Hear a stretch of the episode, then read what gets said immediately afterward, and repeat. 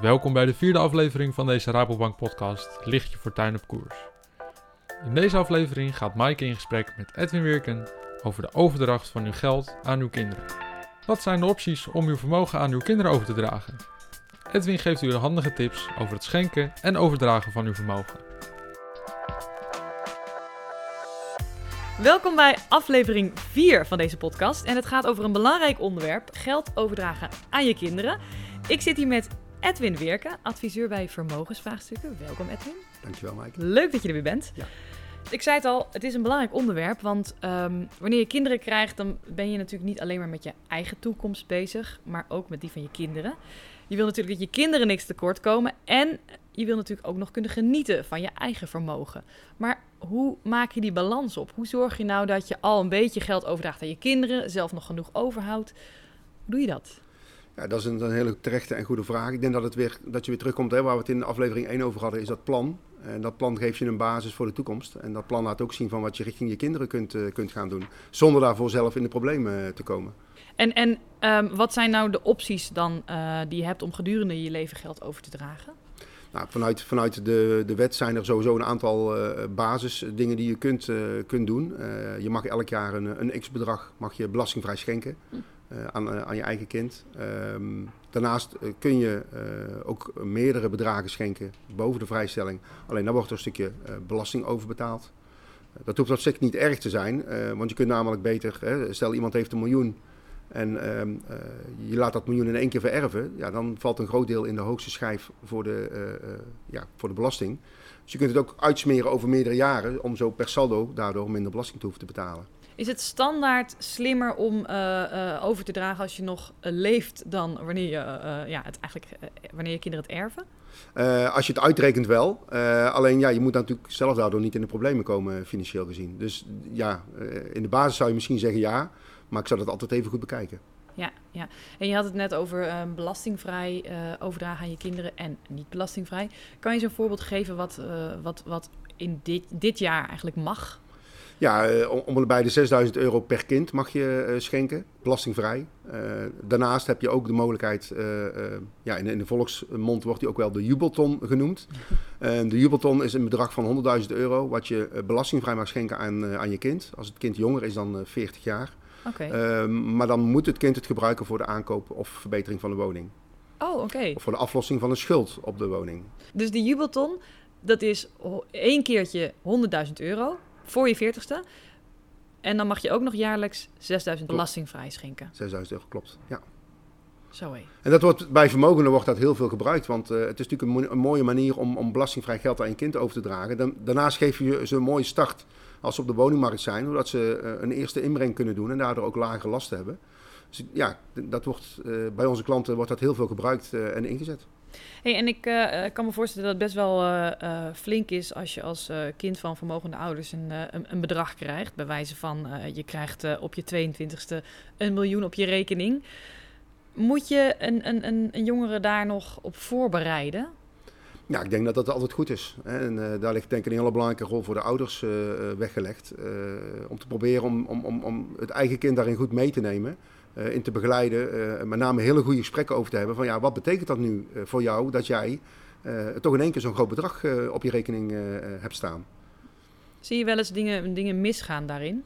Ja, in de praktijk zien we daar zeker dingen in misgaan. Ik kan wel, ja, wel wat voorbeelden noemen. Um, stel uh, even een situatie dat, dat, dat je kind uh, student is, uh, woont in een studentenhuis, samen met, met drie andere studenten.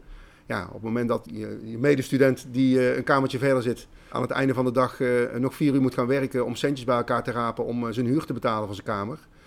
En jij kan lekker achterover gaan liggen en Netflix gaan kijken. En je ouders toch wel de cent hebben om het allemaal voor je te regelen. Ja. Dus dat geeft ook spanningen tussen studenten onderling en tussen mensen onderling. En ja, het is best belangrijk dat je, dat je als je dan vrienden bent in zo'n studentenhuis, ja, dat dat geen frictie gaat krijgen. Dus ik denk in zo'n situatie ook heel belangrijk dat je, daar, ja, dat je daarover praat met je kind. Ja, dat je geen scheve blikken krijgt of gekke situaties waarin misschien ja. jouw kind alles betaalt of, of voor vrienden. Ja, ja, ja. Wat nou als je een, uh, een zoon of dochter hebt van uh, ook een jaar of uh, twintig en die um, studeert, die heeft niet bepaald de hand op de knip en je wil wel um, schenken, maar je bent bang dat het ook in één klap weer verdwijnt. Kan je schenken en zeggen dat je kind er pas na een bepaalde leeftijd bij mag komen ja, of zo? die mogelijkheden zijn er inderdaad, ja. Ja. Wat, wat is daarin mogelijk? Eh, je zou kunnen schenken op papier. Dat regel je via een notaris. Eh, dan kun je eh, wel het bedrag daadwerkelijk schenken, maar dat wordt niet in euro's overgemaakt. Maar dat ja, heeft het kind als het ware te goed van de ouders. Hè, dus dan hebben ze niet rechtstreeks de beschikking over het geld wat, wat geschonken wordt. Dus dat is, dat is een mogelijkheid. En de andere manier is dat je het geld stort op een rekening die een soort van geblokkeerd is tot een bepaalde leeftijd. Hè, dat ze tot bijvoorbeeld eh, de 27e of 23e niet aan het geld kunnen, eh, omdat dat eh, geblokkeerd staat door de ouders. En de ouders hebben tot die tijd de zeggenschap. En dan kunnen zij, als, die, als die leeftijd bereikt is, komt het bedrag vrij en kunnen ze, zijn ze als het goed is beter in staat om met dat geld om te gaan, om zo maar te zeggen. Ja, en in de tussentijd heel veel met je kind praten over Ja, wat het precies, is om vermogend te Ja, zijn. precies. Ja. Nou, dat is denk ik heel belangrijk, want uiteindelijk kan dat gewoon ja, best wel tot lastige situaties leiden.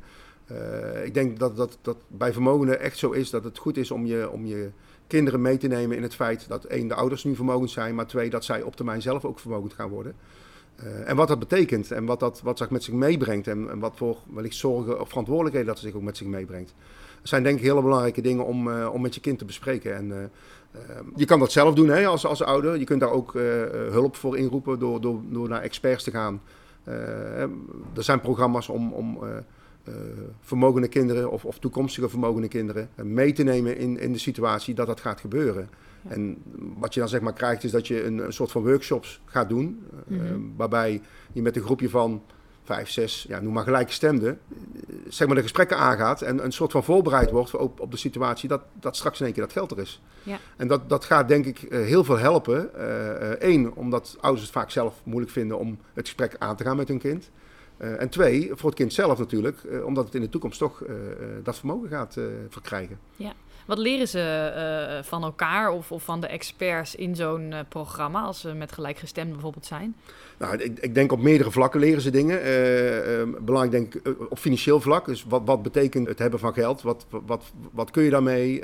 Wat zijn daar de kenmerken van? Wat zijn daar de risico's van?